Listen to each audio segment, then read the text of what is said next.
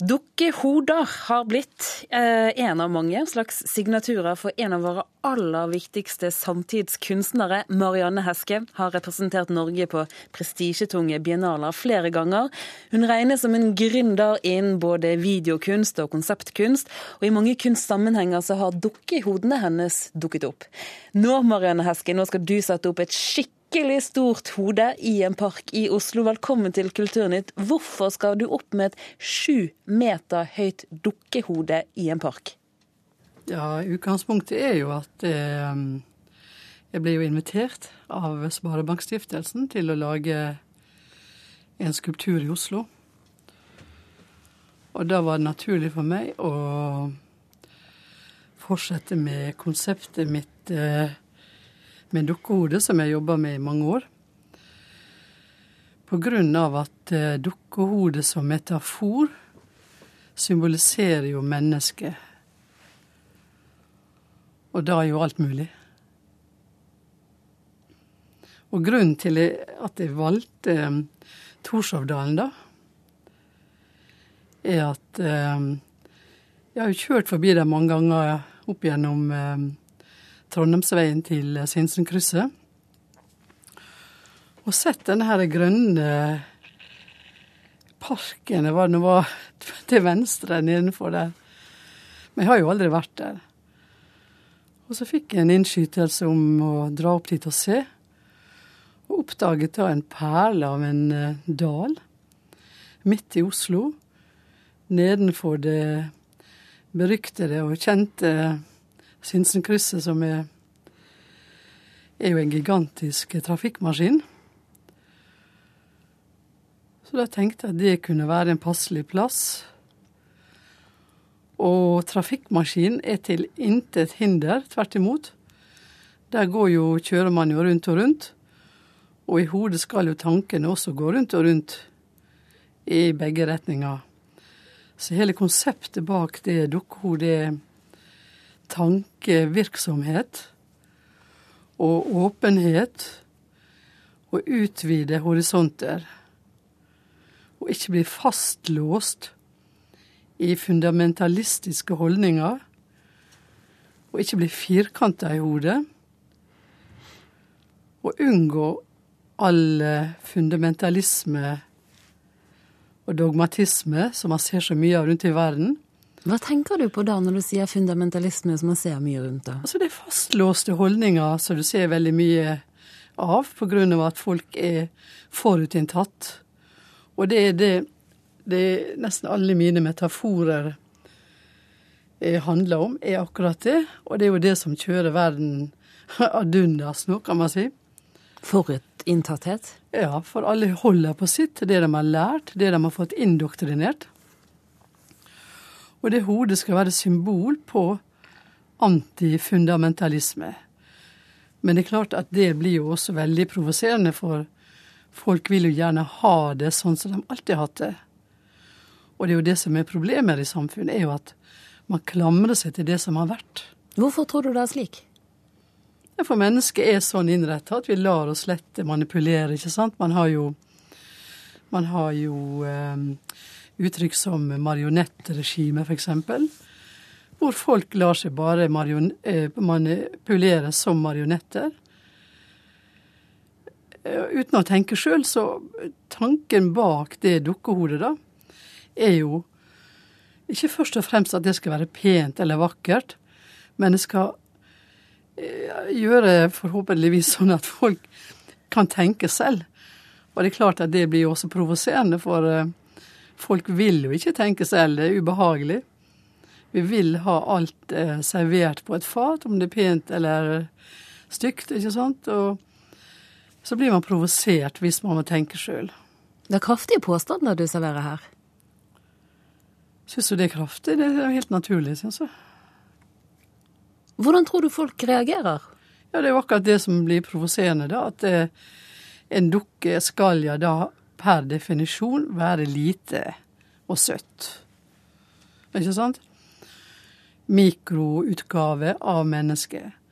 Og så plutselig blir det en makroutgave av mennesket. Og det blir jo da helt utenfor skjema.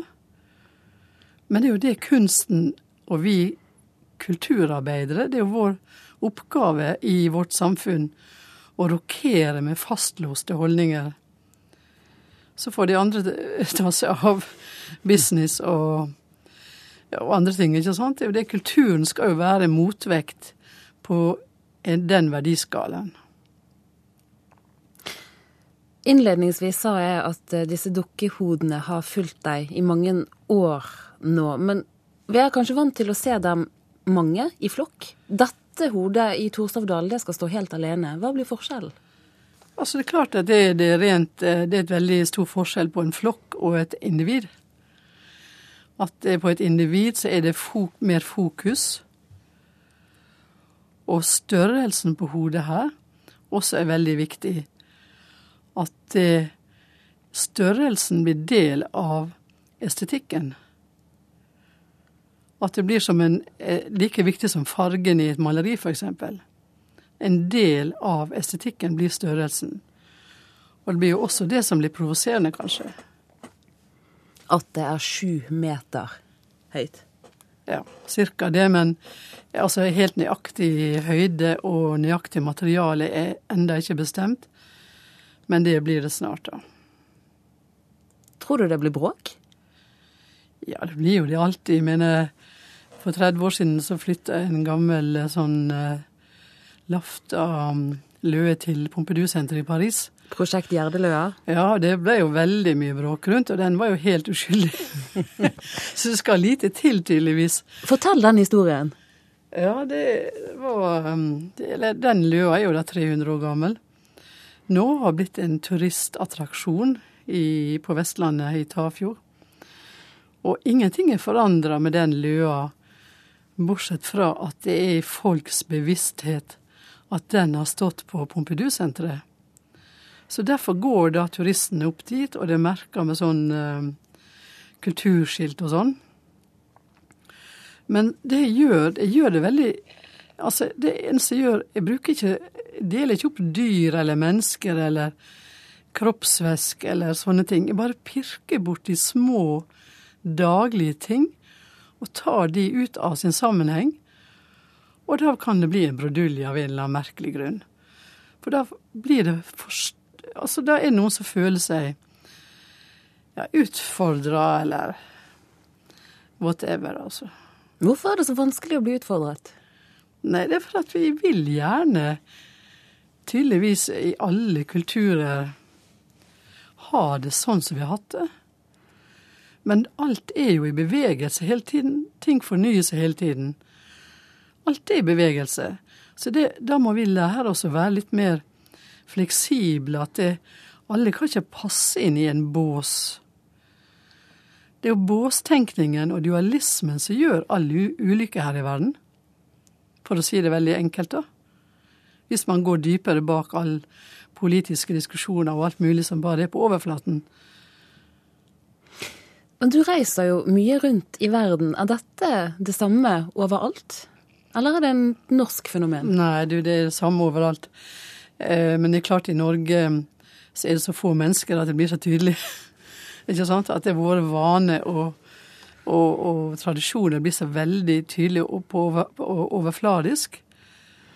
Uh, og ofte lite gjennomtenkt, kanskje, for vi har slipper å gå i dybden veldig mye.